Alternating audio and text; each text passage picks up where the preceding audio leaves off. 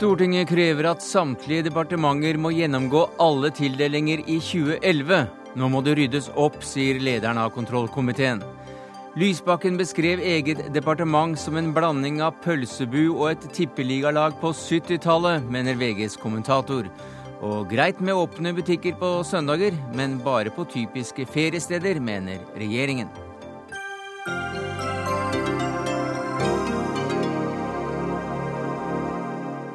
Ja, Det er noen av sakene i eh, Dagsnytt 18 denne supertirsdagen, der ti delstater i USA altså peker ut hvem som skal bli Barack Obamas motstander, og med våre korrespondenter ringside. Men vi begynner med Lysbakkens eh, påstand om at regelbruddene i eh, mange år nærmest var rutine i Barne-, likestillings- og inkluderingsdepartementet. Og Anders Anundsen, leder for kontroll- og konstitusjonskomiteen for Frp. Komiteen krever nå at samtlige departementer må granske egne tilskuddsordninger. Hvorfor det?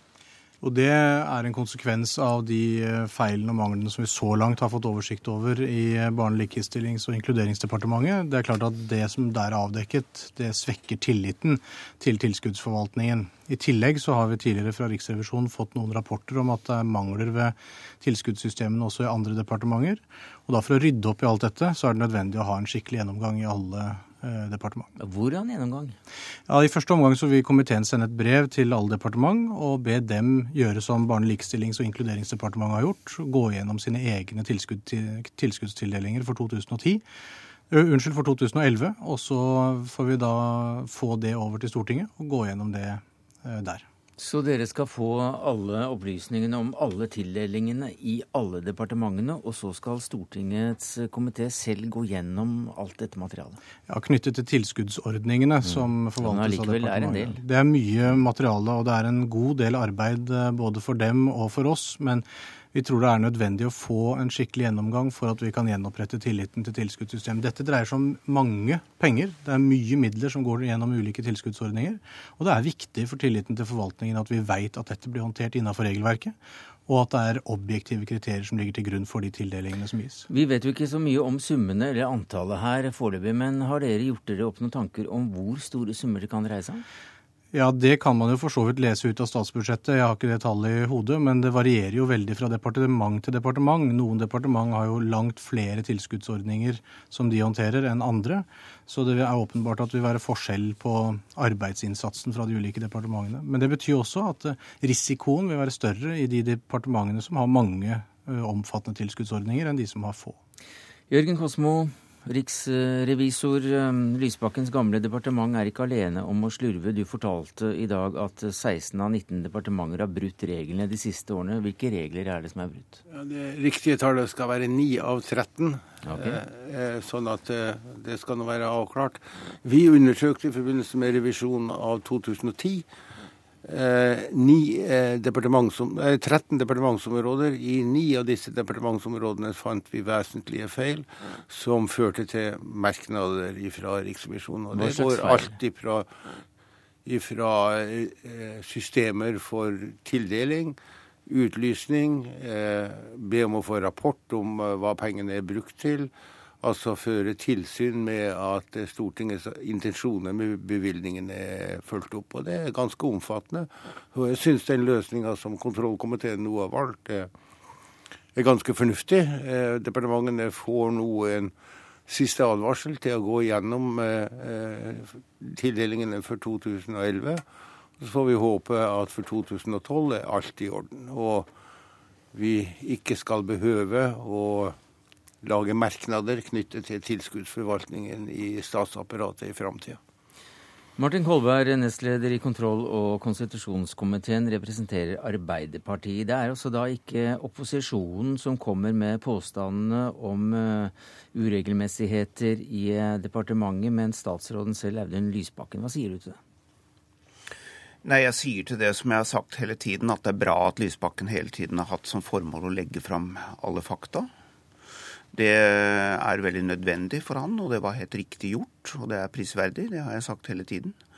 Eh, og jeg slutter meg jo til de resonnementene som eh, Anundsen har presentert her som bakgrunn for at komiteen har gått inn for det, og at også mm. regjeringsfraksjonen har, har stemt for det.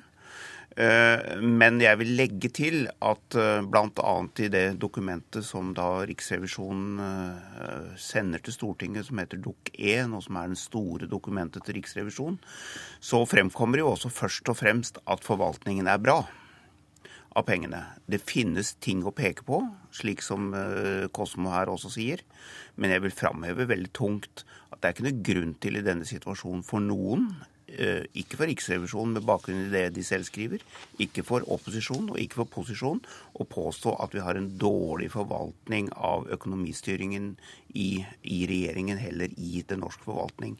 Jeg vil bare ha sagt det, selv om jeg altså støtter fullt og helt opp om nødvendigheten av å få alle kort på bordet, mm. slik at vi kan få en enda bedre forvaltning. Ja, Det er ingen som sier at uh, vi har en helt elendig uh, statsforvaltning her. Sånn at vi kan komme tilbake til det spørsmålet om alvorlighetsgraden i de uh, ulike bruddene.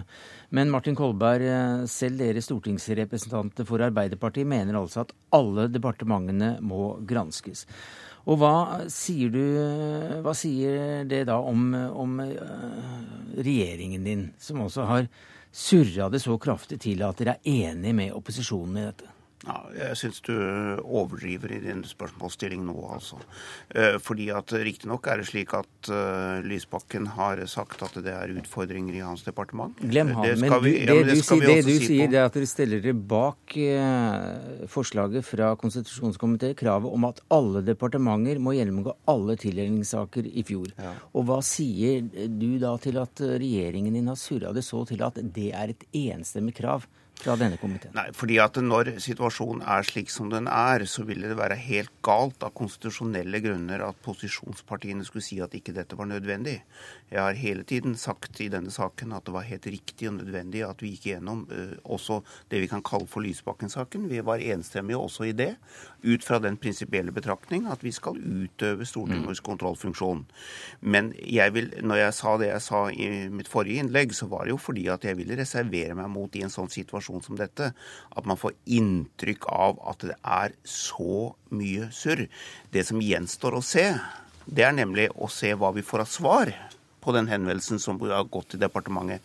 Og når vi har gjort det, og vi har gått gjennom det, så skal jeg gjerne møte i Dagsnytt 18 eller andre steder og svare for det som da er på bordet, slik at vi ikke nå forhastet trekker en gal konklusjon. Det er det jeg mener å si. Robert Myhre, du er advokat, og du har fungert som rådgiver for Næringsdepartementet under utarbeidelsen av forskrift om offentlige anskaffelser. Eh, hvordan vurderer du alle disse regelbruddene som rulles opp i både Lysbakkens departement og andre departementer? De er, de er, veldig alvorlige, fordi de, de, gjelder brudd på helt sentrale regler for hvordan tilskudd skal tildeles. Eh, det er brudd som gjør at ikke man får åpenhet om de tildelingene som skjer. Eh, og, og man mister rett og slett en demokratisk styringsmulighet. En demokratisk styringsmulighet er man eh, altså i fare for å miste med slike regelbrudd? Ja, Det er først og fremst at befolkningen, befolkningen, de stemmeberettigede, de, de, har ikke innsyn i disse sakene på hvordan disse pengene brukes. Eh, slik det er lagt opp, så står det i reglene at det skal være en kunngjøring av disse tildelingene.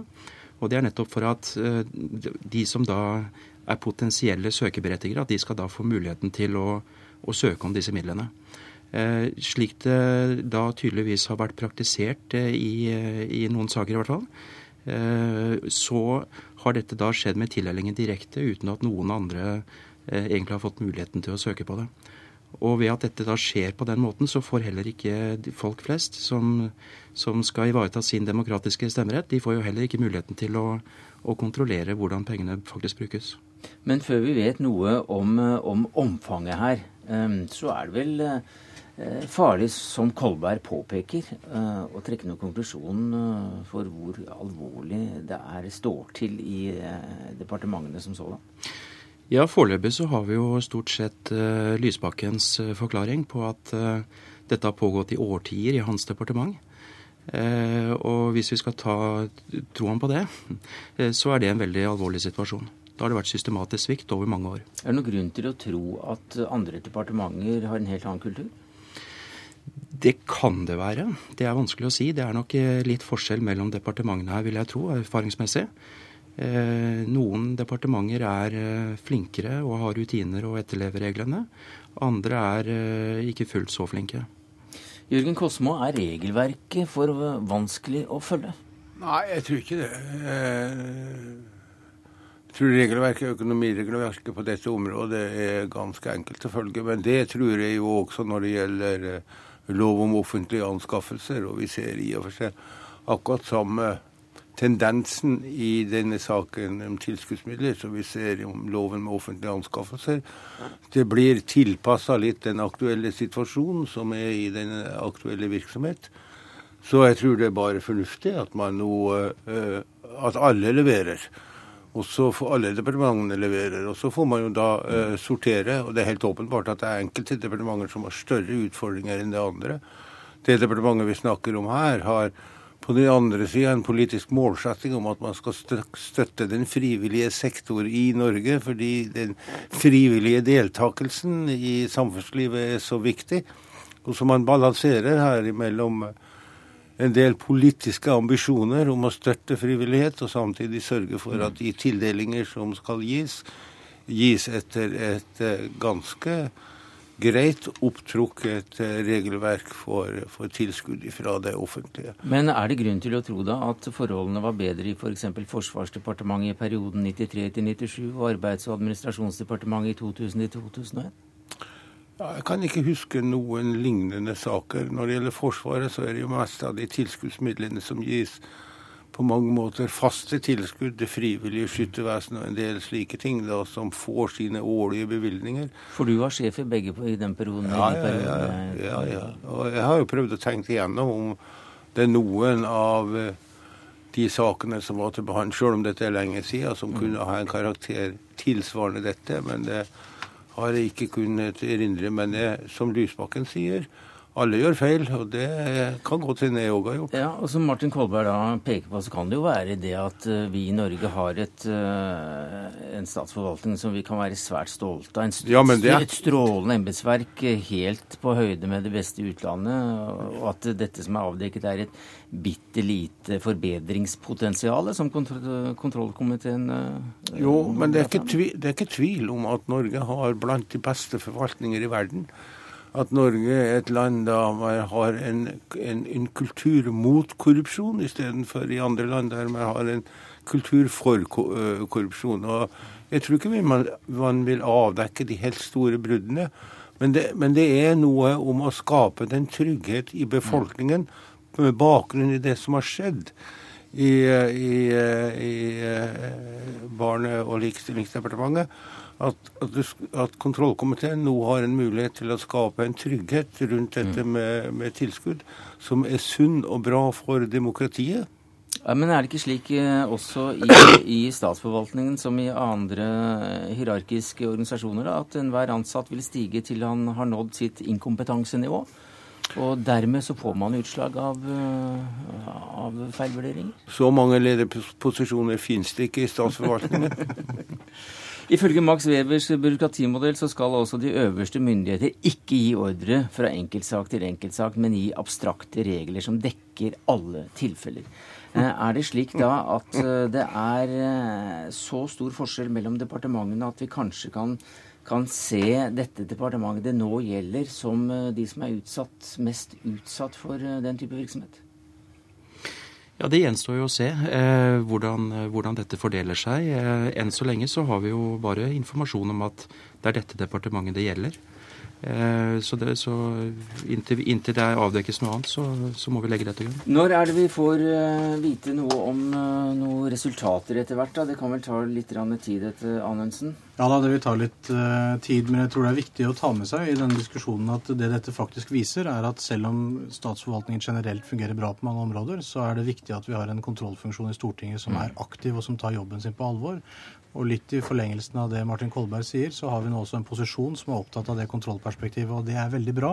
Det at vi kan være et enstemmig kontroll- og konstitusjonskomité om en såpass eh, stor gjennomgang som dette, det viser at eh, Stortingets kontrollapparat tar seg selv høytidelig mm. og tar seg på alvor. Så får man da være litt uenig om akkurat uh, bruken av ordet 'surra det til' eller, eller, ikke. Takk skal du ha, Anders Anundsen, leder i kontroll- og konstitusjonskomiteen for Frp.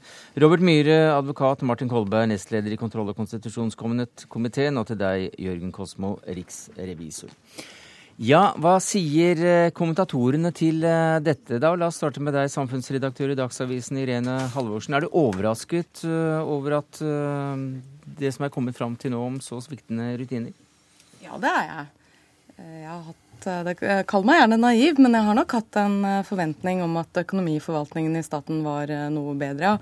Men det er klart, veldig overraskende at man finner noe feil. Det er det ikke, fordi Riksrevisjonen har gjentatte ganger påpekt feil i økonomistyringen eh, i flere departementer.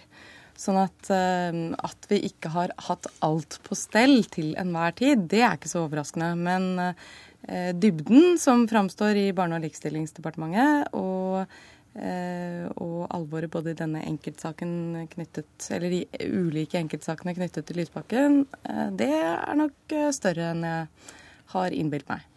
Fridtjof Jacobsen, du er kommentator i Verdens Gang, og du skriver i dag at Lysbakken beskrev et departement som framstår som en blanding av en pølsebu og et norsk tippeligalag på 70-tallet. Hva mener du med det? Det mener du det jeg skrev. eh, da Lysbakken redegjorde for denne saken i går, altså i første halvdel av hans uh, møte med pressen, før han da meddelte at han gikk av, som jo var det de fleste festa seg ved, naturlig nok, så beskrev han altså en kultur og en eh, rutine for tildeling av penger i departementet sitt som han sa han hadde blitt eh, bortimot sjokkert over. Eh, han sa også at det siste han gjorde før han gikk ut døren, var å stanse all utbetaling av penger, altså såkalte enkelttilskudd fra departementet inntil rutiner for journalføring, altså arkivering av dokumenter og e-poster og SMS-er som kan vise hva som har skjedd. Anbudsregler og økonomistyring var på plass. Og Det er en ganske dramatisk eh, avgjørelse, for det betyr jo at du har null tillit eh, til at eh, å dele ut penger, som skjer jevnt og trutt i Barne-, likestillings- og inkluderingsdepartementet, skjer på en ryddig måte. Og da tok jeg meg da den frihet å si at det minner jo litt om sånn økonomiførsel som man kjenner både fra pølsebuer eller mm. fotballaget. Ja, kanskje helt opp til vår tid, for alt jeg vet. Og hvis det stemmer, så burde kanskje hele departementet legges ned? Ja, altså Hvis man skal ta Lysbakken på alvor nå, nå, kan man jo godt diskutere litt hvorfor Lysbakken var så opptatt av å berette om et helt departement som var på jordet når det gjaldt å dele ut penger. Eh, det, det, var ikke, det var ikke akkurat skadelig for hans egen sak å beskrive det som en fullstendig systemsvikt. Eh, Istedenfor at det bare var han og hans politiske ledelse som hadde trumfet gjennom et uh, ryddig embetsverk som prøvde å stritte imot når de skulle dele ut penger til sine egne. Eh, så det kan jo hende at han eh, valgte en del av virkeligheten og guffa den litt opp, da. Hva sier du til, eh, til, at man nå skal gjennomgå alle departementets utdelinger i, i 2011, Irene Halvorsen? Altså Det virker jo som en veldig omfattende oppgave, men jeg syns det er bra ja, at vi nå får en gjennomgang som sikrer gjennomsiktighet og trygghet for at fellesskapets penger blir brukt på riktig måte. Ehm, jeg må si til det eh, Fridtjof Jacobsen sa her, at ehm, det er jo flere aktører her som har noe å tjene på å eh, legge fram sannheten på den måten de gjør. Eh, Audun Lysbakken har åpenbar, åpenbart behov for å vaske seg etter en sånn gjennomgang, fordi han da etter alt å dømme skal klappes inn som ny SV-leder. Og det er kjempevanskelig for Audun Lysbakken og for SV. Eh, at dette partiet, som er aller først i rekka med å heve sin moralske pekefinger når noen har gjort feil, blir tatt med buksa så til de grader nede som det Lysbakken har blitt. Så det er nå det ene. En annen ting er jo at kontroll- og konstitusjonskomiteen, som nå bruker disse sakene for alt det er verdt politisk, selvfølgelig også har motiver for å gjøre det. Eh, men eh, det gjør ikke egentlig noe, fordi at eh, vi tjener på det som fellesskap hvis vi får mm. en mer ryddig gjennomgang av disse prosessene og tildelingene. Audun Lysbakken sa jo også på sin pressekonferanse at Ingen er altså, med et visst patos og en viss selvrettferdighet. Ingen har dødd, ingen har blitt skadelidende.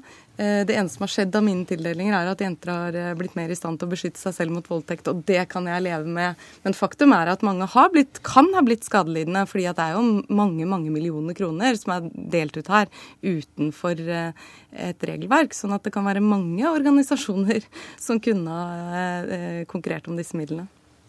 Ja, altså Lysbakkens påstander om det departementet er ganske alvorlige, så det er helt naturlig at de må sjekkes opp. Eh, at man utvider til å gjelde alle departementer, OK. Eh, nå har vi nettopp hatt riksrevisoren her. Eh, en av hans oppgaver er jo å passe på at Stortingets intensjoner og regler for pengebruk og andre vedtak blir fulgt. Han har gitt noen advarsler, men han har ikke akkurat beskrevet det som et sånt økonomisk sodoma som det man kan få inntrykk av her. Så vi får se hva den gjennomgangen da viser. Eh, men det er sikkert sunt å ta en stikkprøve innimellom. Og så må vi huske på at eh, det som i hvert fall ble sagt i går, at det som virkelig felte Lysbakken til slutt, det var at han hadde rota med sin egen habilitet. Eh, det har ikke noe med embetsverket å gjøre. Det har ikke noe med rutiner i departementet å gjøre. Det er rett og slett en svikt i hans egen vurdering. Og den var alvorlig nok til at, i hvert fall ut fra det man hørte både på og av blokka i går, at det var det som kostet han jobben til slutt, og som gjorde at det ikke gikk lenger oppå alt det andre. Eh, så, så, det er liksom ikke Det er ikke bare sånn at Lysbakken, som noen aldri kunne få inntrykk av i går, satt at jeg var en av mange statsråder som har sittet og bestyrt et departement som ikke tålte dagens lys, men jeg ble tilfeldigvis tatt for det. Da tar jeg mitt ansvar og går. Jeg tror ikke det er så enkelt å si at det er derfor Men var det det han sa i går? Nei, Det kan i hvert fall tolkes på den måten. Eh, altså han, han, jeg syns han fortsatte med å si at han tar ansvar, for han erkjenner hva som har skjedd. Men han pekte samtidig på at dette har skjedd i flere tiår, sa han. Det har antageligvis skjedd også på andres vakt enn min, eh, men når det er oppdaget, så tar jeg selvfølgelig ansvaret for det jeg har gjort. Altså jeg tar ansvar, men ikke skylda? Og det er vel litt gjennomgangstonen eh, i håndteringen av dette. Kanskje han også selv mener at han eh, rett og slett eh, har vært litt blind, eller, eh, eller at han faktisk er, eh, har omgitt, vært omgitt av så dårlige folk, både på sine egne statssekretærer og og det i embetsverket at, at, han ikke klarer helt å erkjenne at det er han som har skylda for alt. det. Men jeg mener at det du sier også er viktig eh, av en annen grunn. og Gjennom gårsdagen så jobbet Dagsavisen i likhet med de aller fleste andre mediehus i Norge med å snakke tett med både masse masse SV-kilder og masse masse folk i Arbeiderpartiet. Og min opplevelse av de samtalene avdekker det jeg opplever som nærmest en avgrunn i ulik forståelse av alvorlighetsgrad Eh, blant Arbeiderpartikilder jeg snakket med, så var det svært mange som vektla nettopp disse bruddene på habilitetsreglene. At det er særdeles alvorlig. Det er brudd på forvaltningsloven. Du kan åpenbart ikke sitte som statsråd som det. Og spørsmålet er om du kan sitte som SV-leder med det klistrende på deg. Ja, Men du vurderer jo din egen habilitet i, i regjeringen. Ja, men det faktum at han aldri har sagt f.eks. knyttet til dette Reform Stiftelsen Ressurssenter for menn, hvor han da har sittet i styret eh, for denne stiftelsen og selv er ambassadør for en av kampanjene, nemlig Mannfolk mot vold, det er så skrikende eh, habilitetsproblematisk at det er vanskelig å forstå at han ikke skjønte det. Mens i SV, når jeg snakker med mange kilder der, så, så er de opptatt av å bagatellisere det og forklare hvordan han tar ansvar. Og jeg skjønner det siden de skal velge han til leder, men likevel så tenker jeg at at de tar ikke helt inn over seg alvoret i den saken, og er usikker på eh, samforståelsen mellom to så viktige regjeringspartnere. Men, men husk at denne, denne, avgangen er litt spesiell, fordi at uh, de fleste statsrådene som går, de, de, går kanskje til Stortinget, eller hvis de har plass der. Hvis ikke så forsvinner de ut av politikken. Uh, og De har én dag hvor de går av, og så er det ferdig. Uh, Lysbakken er nødt til å lage en eller annen historie om sin avgang, fordi at han kommer til å være en meget synlig fyr i norsk politikk. Høyst sannsynlig, hvis ikke det skjer et eller annet i SV som gjør at han ikke blir valgt. Det får vi nå se på i løpet av uka. Det, jeg tror Her går ting så fort at her kan det skje mye på noen dager. Kan skje, jeg understreker det. Men, eh, men derfor er han også nødt til å ha, liksom, ha, forberedt en slags patentversjon om hva som egentlig skjedde da han måtte gå av som statsråd. Og det har også noe med at han er nødt til å lage en versjon som, som gjør at hvis han skal bli statsråd en gang, så kan han ikke liksom ha hatt en, noe som henger igjen derfra og fortalt en halv sannhet eller sånne ting. skjønner du? Så det, det, er noe med at, mm. det er noe med at det er en veldig spesiell avgang, dette her. Men altså ikke et stygt ord sagt om verken pølsebuer eller eh, tippeligalag. I hvert fall ikke om pølsebodbestyrere. Takk skal du ha, Fridtjof Jacobsen, kommentator i Verdensgang, Irene Halvorsen, samfunnsredaktør i Dagsavisen. Hør Dagsnytt 18 når du vil, på nettradio eller som podkast. nrk.no dagsnytt 18.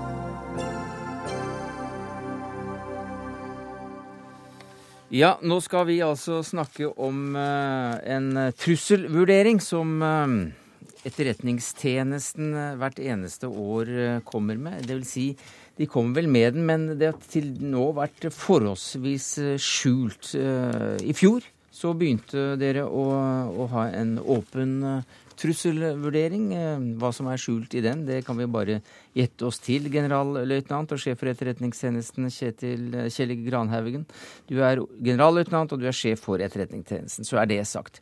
Det hemmeligste vi har i landet, som vi vet om, det er den eh, organisasjonen som du driver. Og i fjor så redegjorde du for det du anser som, som, eh, som det verste som kan skje. I år har du gjort det samme. Hvordan er trusselen i år i forhold til i fjor? Ja, Det er ikke noen store endringer i trusselbildet fra i fjor til i år. Det er de samme uh, typene trusler som vi trekker frem. Er verden litt tryggere sted siden Al Qaida er uh, vingesekket? Uh, akkurat på det området Kanskje eh, når det gjelder eh, Al Qaidas sentralledelse, det er et av de temaene vi behandler. Men vi peker også på at eh, Al Qaida har endret karakter, og at den er blitt en mer desentralisert organisasjon. Har fått nye regionale knutepunkter som styrer virksomheten. Og at Al Qaida fortsatt har en, en strategi, eller og faktisk har videreutviklet en strategi, som går på det å rekruttere fremtidige terrorister mm. fra ulike land i, i Vesten. Eh, så eh, den eh, trusselen er på ingen måte borte. Den er kanskje på mange måter også blitt mer uoversiktlig og vanskelig å forholde seg til for etterretnings- og sikkerhetstjenesten. Men dere sier samtidig at det, er, det da er positivt at ledelsen i Al Qaida er, er såpass redusert. Så la oss si at trusselen derfra er litt på vei ned. Hvilken trussel er det som er litt på vei opp? Ja, Den andre trusselen som vi trekker frem i denne vurderingen, er jo eh, det vi kaller for trussel i det digitale rom, eller trusselen mm. mot IKT-nettverkene eh, våre. Og Det mener vi definitivt er en eh, stigende trussel. Det er to komponenter i den trusselen. Det ene er hva skal vi si, spionasjetrusselen, risikoen for at fremmede henter ut viktig informasjon fra nettverkene våre. Det andre er muligheten til faktisk i en krisesituasjon å lamme viktig infrastruktur, viktige samfunnsfunksjoner i Norge Norge hvis eh, noen aktører der ute skulle ønske å gjøre det. Ja, I fjor så ble jo Forsvaret selv utsatt for, eh, for et slikt angrep.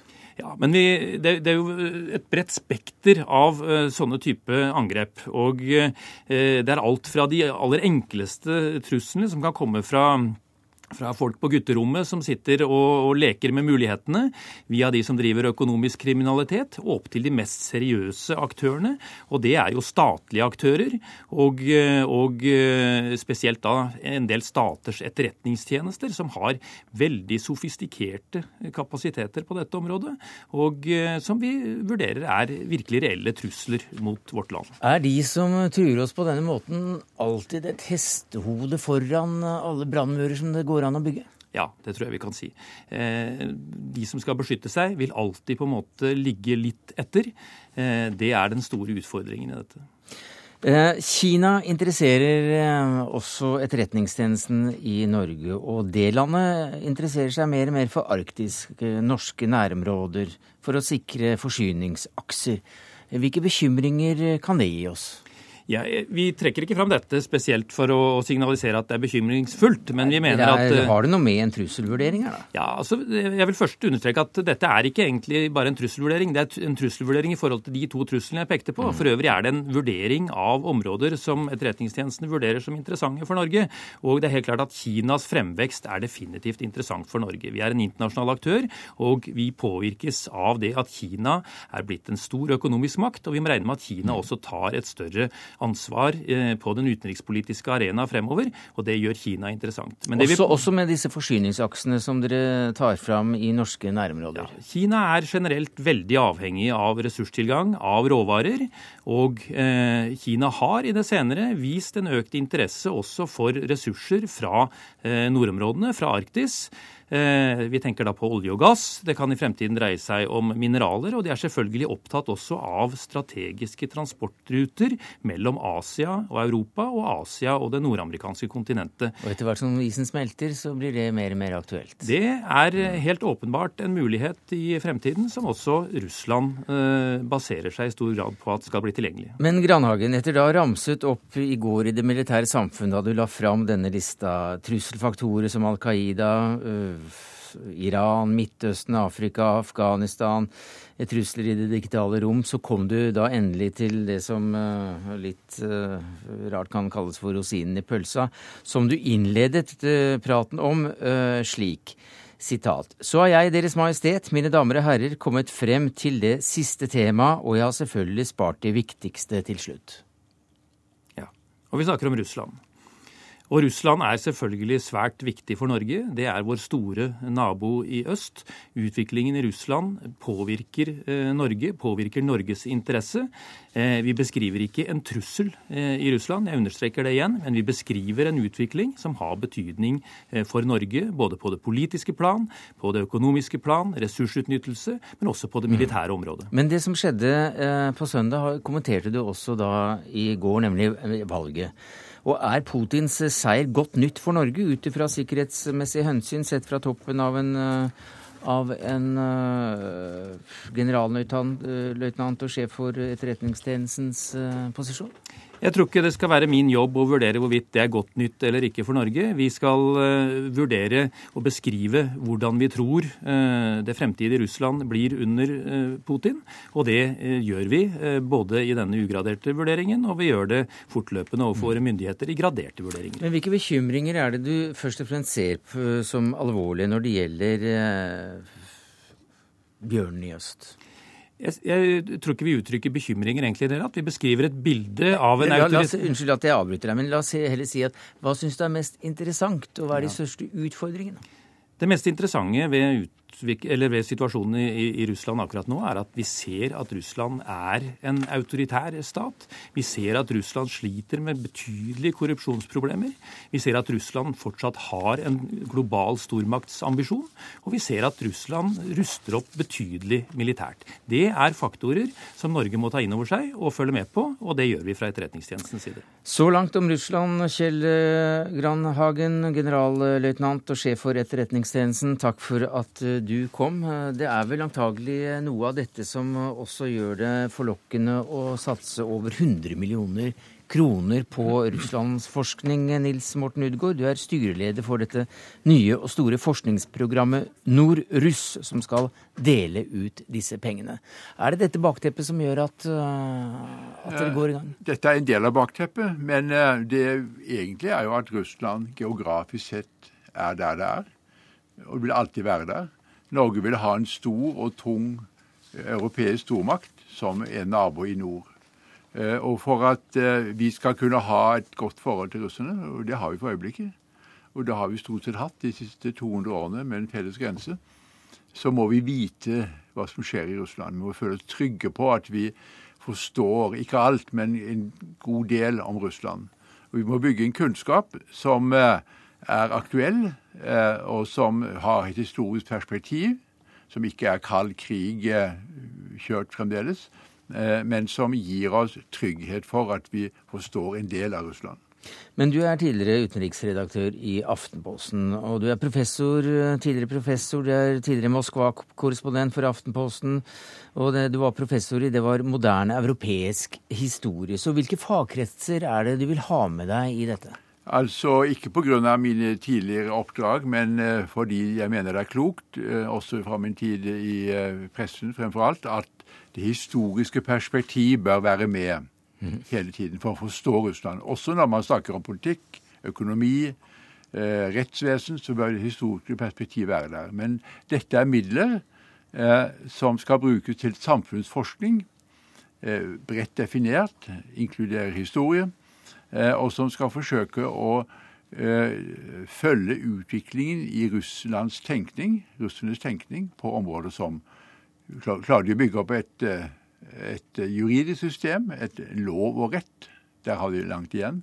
Hvilket økonomisk system lander de på? De hadde kommandoøkonomi, de hadde kaos, de har markedsøkonomi, og de har mange blandingsformer. Og hvilket politisk system lander de på? Mm. Hvor demokratiske blir de egentlig? Og dette er interessant for Utenriksdepartementet, der du er statssekretær, Torgeir Larsen? I aller høyeste grad. Det er derfor vi har bevilget eh, disse 105 millioner kroner. Det bygger på en, eh, en tradisjon eh, vi har. Det bygger også på det vi fokuserer på i, i nordområdearbeidet vårt. Vi sier kunnskap er navet i nordområdesatsingen. Eh, kunnskap eh, om Russland, som er en driver i nordområdene, er, er, viktig for å få en informert eh, politikk overfor Russland og for å få et informert samarbeid. Derfor så har vi, har vi satset på denne altså kunnskapsbevilgningen som forvaltes av Forskningsrådet. Mm. Men hva, hva, håper du at denne forskningen kan komme fram med? vi håper at denne forskningen vil bringe større forståelse for utformingen av samfunn som har betydning for nordområdene, og for oss. Russland er et sånt samfunn. Eh, en dypere forståelse, en bredere forståelse av utviklingen i Russland eh, vil gjøre det lettere for oss å utvikle en fornuftig politikk overfor Russland. Og en bredere forståelse i Norge, altså formidling av den kunnskapen, er eh, viktig. Marit Christensen, tidligere Moskva-korrespondent for eh, NRK, hun var her i går og, og, og, snakket om det russiske valg, og da refererte hun til en russisk dik dikter som sa at Russland kan ikke forstås med fornuft. Jeg tror at uh, Russland uh, kan forstås. Det er et land med mennesker, tenkende mennesker uh, som oss. De agerer sammen med oss i et bredt samarbeid. Selvfølgelig kan de forstås. På hvilken måte de skal forstås, det kan det være mange meninger om. Men er det ikke slik, Utgård, at man egentlig må lese de gamle klassikerne fra Tolstoy og bakover og, og, og framover, Dostojevskij etc., for å forstå noe av det som skjer i Russland? Det hjelper. Det er nyttig. Og dette er historiens perspektiv igjen. Men for å forstå dagens Russland må man gå inn og se på problemene i dag. Det må man gjøre. Og eh, Forskningsrådets oppgave i dette er da å legge til rette, legge visse spilleregler på bordet. At man skal eh, konkurrere om midlene. At man skal eh, samarbeide med andre land om forskning om Russland. Og man samarbeide med russerne selv. Og så er det ett element til som er veldig viktig. og Det er at uh, disse pengene eh, vil føre til bredere nettverk, kontakt mellom russere, mellom nordmenn, altså forskere. Uh, det er i dag langt flere russiske forskere og studenter i Norge enn noensinne. Det er også flere norske studenter i Russland. Det er en utvikling som fører til større og bredere forståelse for hverandre. Og den vil, vil bli enda bredere gjennom denne bevilgningen. Det er eh, en stor grad av, av russlandsforskning i eh, Norge i dag. Mange miljøer. Eh, skal dere bygge opp nye miljøer, eller skal dere trekke veksler på alle de instituttene og universitetene som driver med den slags i dag? Det vil avhenge av søknadene. Vi har mye å stå på i Norge, riktig som du sier. Men vi vil utlyse midlene. Det har skjedd i går.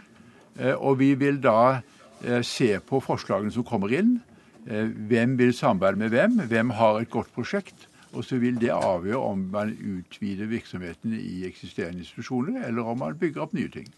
105 millioner kroner har altså UD kommet opp med, Torgeir Larsen. Eh, når er det vi får se resultatet av det? Er det noen rapporteringsmal som, som legger til grunn her?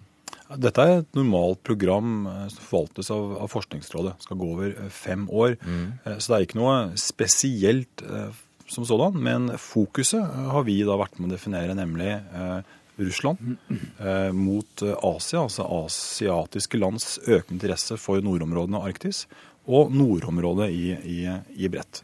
Og vi er, er overbevist om at disse pengene vil gå til generering og formidling av kunnskap som vil komme oss og flere med oss til gode. Takk skal du ha, Torgeir Larsen, statssekretær i Utenriksdepartementet, og lykke til, Nils Morten Udgaard, med å behandle søknadsmassen for å dele ut 105 millioner nye ferske forskningspenger. Det var Russland i denne omgang. Vi har fått inn en, en melding om at Senterpartiet tar dissens om vikarbyrådirektivet. Det er det Aftenposten som melder akkurat nå, og det blir mer om dette i NRKs nyhetssendinger utover kvelden. Dagsnytt 18 alle hverdager klokka 18.03 på NRK P2. Så skal vi til USA og til eh, det som vi på godt norsk kaller supertirsdag. For i dag velger altså ti eh, delstater i USA delegater til republikanernes nominasjonsmøte. Og Hilde Restad, USA-ekspert og forsker ved Norsk utenrikspolitisk institutt. Hvor viktig er denne dagen? Um, den er ganske viktig. Det er ti delstater som skal gå til valg. Uh, og en, en, veldig viktig delstat, uh, Ohio. Uh, så tenker man rasjonelt og logisk, så burde vi i morgen vite hvem som blir den republikanske presidentkandidaten. Men det kommer nok til å ta litt lengre tid enn det. USA-korrespondent Anders Tvegård, du er i Columbus i Ohio. Og som vi hørte altså, Ohio er det som er knyttet med spenning rundt. Hvordan går det der? Ja, jeg har vært i noen valglokaler nå i, i morgentimene her. og Amerikanerne strømmer på for å gi sin republikanske stemme. og En eh, hva skal jeg si, høyst uformell undersøkelse tyder på at annenhver her stemmer på Mitt Romney og, og Rick Santorum. Og også meningsmålingene tyder på at det er dødt løp mellom eh, de to kandidatene. Eh, når det gjelder de andre kandidatene, så er de stort sett fraværende her i, i Ohio. Det er, dette, er et, dette, er en kamp mellom eh, Santorum og, og, Romney. Ja, Hva har det stått om? Hva slags politisk, eh, hva slags politisk kamp har dette vært? Eh, her er det jo eh, en stor eh, arbeiderklasse, og økonomi og arbeidsplasser er viktig. Samtidig så klarer Rick Santorum å, samle mange av de kristne her, religiøse og ikke minst konservative stemmene i partiet. Uh, Santorum han hadde en uh, klar ledelse forrige uke. Nå er den uh, i ferd med å spises opp av Mitt Romney. Og Romney selv sier at som, dersom han vinner Ohio i kveld, så kommer han også til å ha den republikanske nominasjonen i boks. fordi da kommer han til å ha, ha de delegatene han trenger, mener han.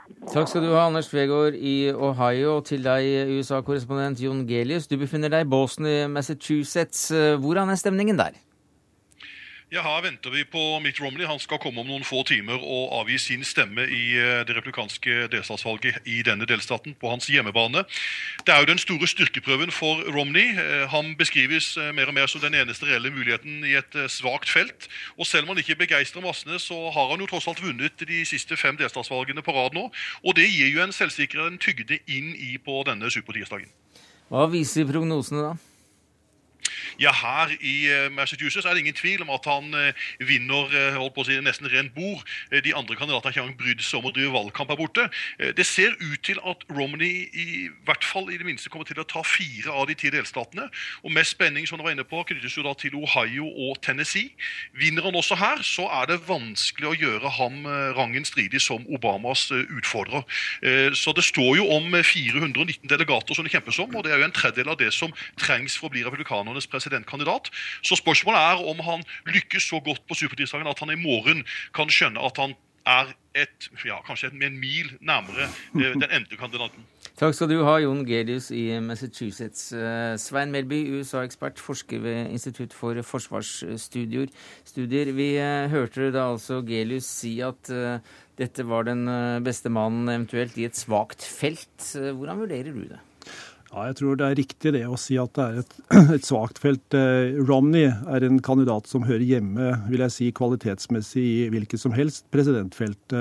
Men eh, hans konkurrenter er, eh, og har, de har jo falt fra de fleste av de etter hvert. her, og Felles for dem har vært at de har enten hatt eh, skal vi si, ytterliggående standpunkter, eller de har vist seg å være rimelig tynne når det gjelder politiske kvaliteter. Så man står jo igjen da med Newt Gingrich og, og Rick Santorum som man kunne forvente ville Dette er jo erfarne politikere, så det var jo de man kunne forvente ville henge med der. Samt Ron Paul, som jo driver sin egen valgkamp, holdt jeg på å si.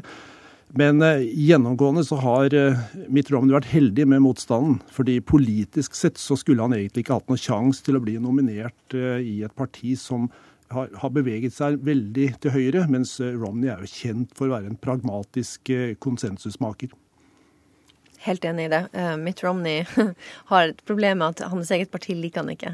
Og derfor ser vi at denne nominasjonskampen tar lang tid. Alle leter etter ikke Mitt Romney-kandidaten, og de har jo hoppa fra kandidat til kandidat til kandidat. Mitt Romney har både et politisk problem og et personlighetsproblem. Politisk sett så anses han ikke som for konservativ nok. I tillegg så har han ikke den entusiasmen. Eh, den, han er ikke the happy warrior som konservative, de konservative liker. Så de gir aldri opp å finne anti-Mitt Romney-kandidaten. En gang må du jo det. Ja, og håpet er jo da supertirsdag. Men som sagt så skal man da ha 1144 delegater for å vinne nominasjonen, og Romney har nå ca. 180. Så det er ikke akkurat som om de andre har noe insentiv til å gi seg i morgen. Men uh, Melby, i norsk presse, og, og, også takket være eksperter som, som, uh, som, som deg og, dere, så får vi jo det inntrykket at på republikanernes side ja, så er det mange raringer. Altså Outrerte mennesker, veldig ytterliggående, uh, enten det er religiøst eller moralskt. Jo da, det for oss, altså, og også i amerikansk sammenheng, så er det klart at eh, en del av de standpunktene som både Gingrich og Santorum har kjørt fram i denne valgkampen, de er ekstreme. Men Pleier det å være slik? Ja, vi, du kan si såpass ekstreme verdipolitiske standpunkter som det Santorum har stått for, eh, delvis her, da, det er nok sjelden kost. Eh, at man har ganske ytterliggående høyrepolitikere når det gjelder økonomiske spørsmål, det, det er for så vidt en tradisjon for. Så, og, og, akkurat den, den um, religiøse uh, dimensjonen, den, skriver du om i en kronikk i, i dag, Restad. Og du peker på at her er faktisk demokratene mistet akkurat den der velgermassen som var spesielt religiøse. Når skjedde det? Det har vært en, en ganske sakte og jevn utvikling eh, i de siste tiårene. Og det, akkurat nå så er det sånn at man kan, eh, man kan si om man er demokrat eller republikaner basert på hvor religiøs man er. Jo mer religiøs, jo mer sannsynlighet for at man stemmer på det republikanske partiet. Eh, og det ser vi jo også nå eh, med Romney, at de som er mest religiøse, stoler ikke på Romney. Så det handler ikke så mye om hvilken religion man tilhører, men hvor religiøs man er. Ja, det, det er jo helt riktig.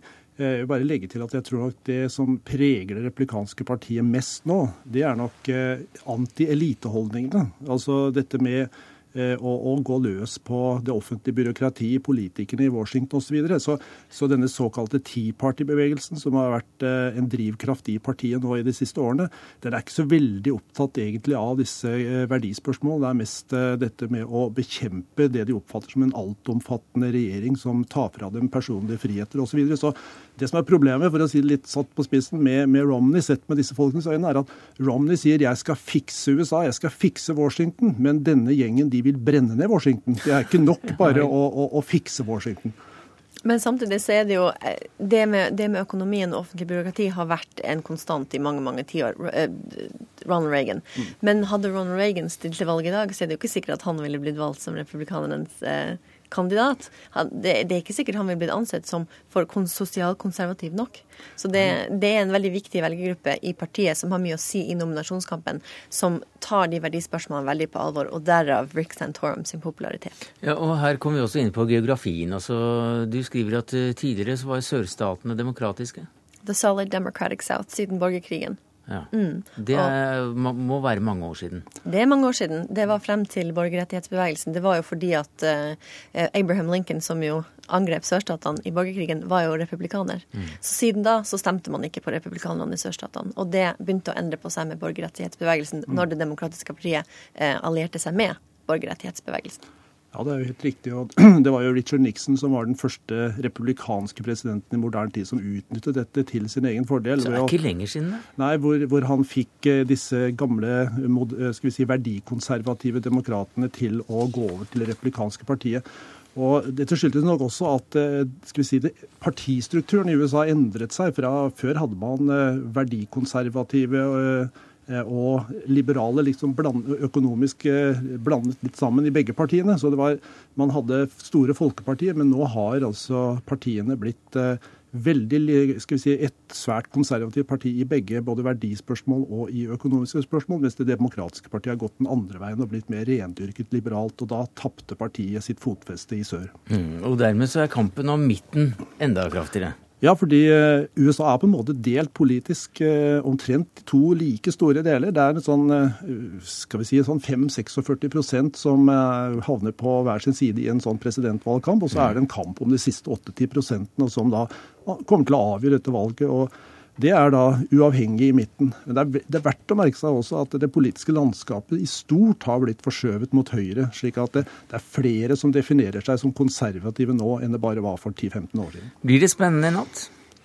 Ja, det kan det bli, fordi det er veldig vanskelig å, i de her meningsmålingene å finne de rette personene å spørre. Så det kan godt være at alt det vi tror vi vet i dag, er bortkasta i morgen. Da blir det vel full valgvake med Budwiser og pølser utover natta igjen. Takk skal du ha, Svein Melby, USA-ekspert, forsker ved Institutt for forsvarsstudier. Hilde Restad, USA-ekspert og forsker ved Norsk utenrikspolitisk institutt. Dagsnytt 18 alle hverdager klokka 18.03 på NRK P2.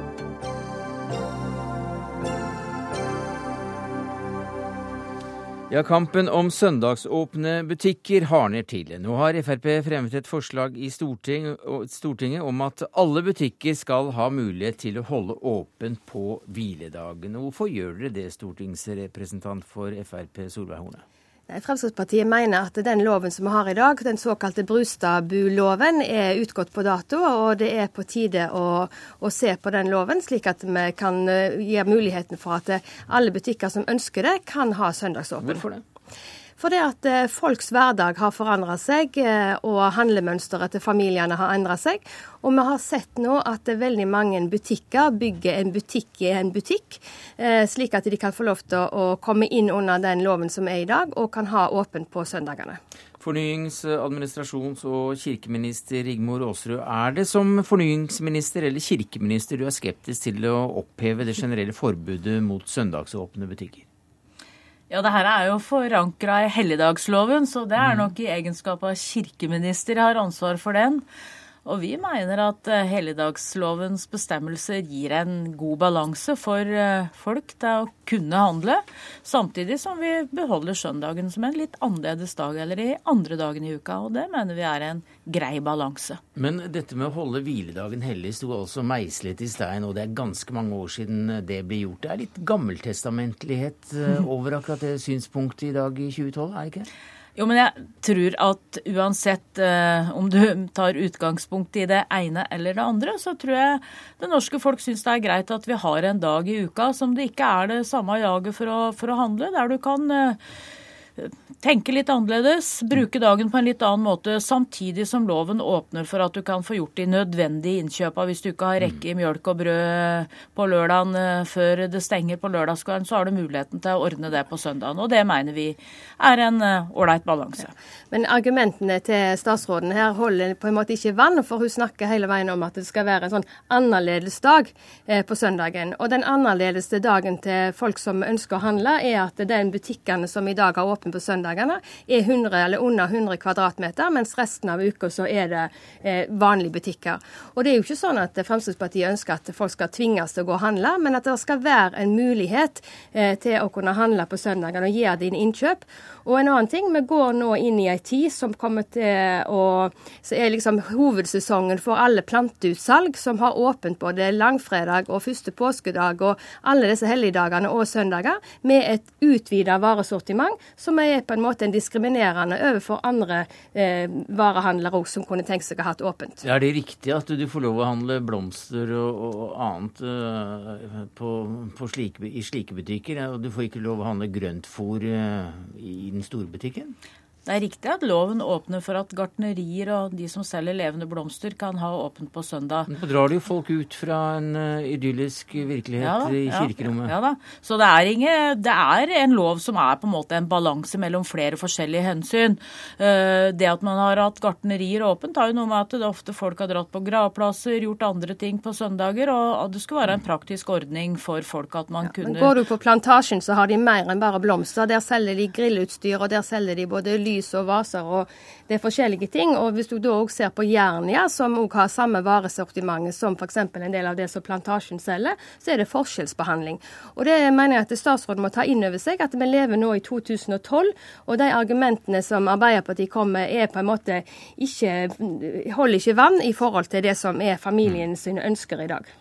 Det er eh, sånn at de butikkene som har åpent på søndag, de gartneriene som har åpent på søndag, skal ha vesentlig av planter og, og, det som er helt naturlig tilbehør til, til den hagevirksomhet. Gass, Så er det, ja, det er nok noen som har prøvd seg og tøyd lovverket ganske mye, og det er jeg glad for at uh, politiet nå har vært inne og sett på og gitt noen bøter til de som har tøyd lovverket. For vi ønsker at vi skal ha en eh, oppfølging på lovverket, sånn at man ikke uthuler det lovverket Men det er en liten pussighet her, Åsrud, og det er at typiske feriesteder i Norge, ja. de skal få lov å ha butikker åpne. Ja, og sånn har det vært så jeg veldig, for veldig, veldig Hvorfor lenge siden. Hvorfor det? Ja, man, man, så jo at det er noen typiske turiststeder der veldig stor del av omsetninga er knyttet til turisme. Uh, der folk kommer på hytta, er der uh, så de skal slippe å dra med seg varer. Så derfor har man åpnet for en del typiske turiststeder som kan ha åpent på søndager. Mm. Jo, nei, Det er derfor jeg sier at uh, argumentene til Arbeiderpartiet her ikke holder mål. For først så begynner å snakke om det at det er viktig at vi skal ha en dag som skal være annerledes enn andre, og at det skal på en måte holde hviledagen hellig. Samtidig som vi ser i dag at veldig mange butikker bygger butikk i butikk for å gi muligheten til folk å handle på søndager. Og så er det liksom OK for Arbeiderpartiet at hvis du er turist, ja da skal du få lov til å handle på søndagen. Men hvis du er hjemme i ditt eget hus, nei da skal du ikke få lov til å handle på søndagen. Så her er det en lov vi har som ikke er utgått på dato, som vi er nødt til å få endra på. Ja, jeg hører jo at Fremskrittspartiet ønsker det. Fremskrittspartiet ønsker å liberalisere veldig mye. Jeg oppfatter at det er et stort flertall i Stortinget som støtter opp under helligdagsloven sånn som den er nå. Uh, Kristelig Folkeparti er en av de partiene som er veldig opptatt av at vi skal holde helligdagsloven mm. uh, høyt, og det har vi tenkt å gjøre. Og, og tror at helligdagsloven sånn som den ligger nå, gir en god mulighet for folk. Så enn så lenge så må vi også dra til et feriested for å få gått i en stor butikk på søndager. Takk skal du ha, Rigmor Aasrud, fornyings- og administrasjon og kirkeminister. Takk til deg, Solveig Horne, stortingsrepresentant for Frp. Det var det vi rakk i Dagsnytt 18 i dag, takket være ansvarlig for det hele Karoline Rugeldal. Det tekniske ansvaret hadde Odd Slåttland. Jeg heter Sverre Tom Radøy.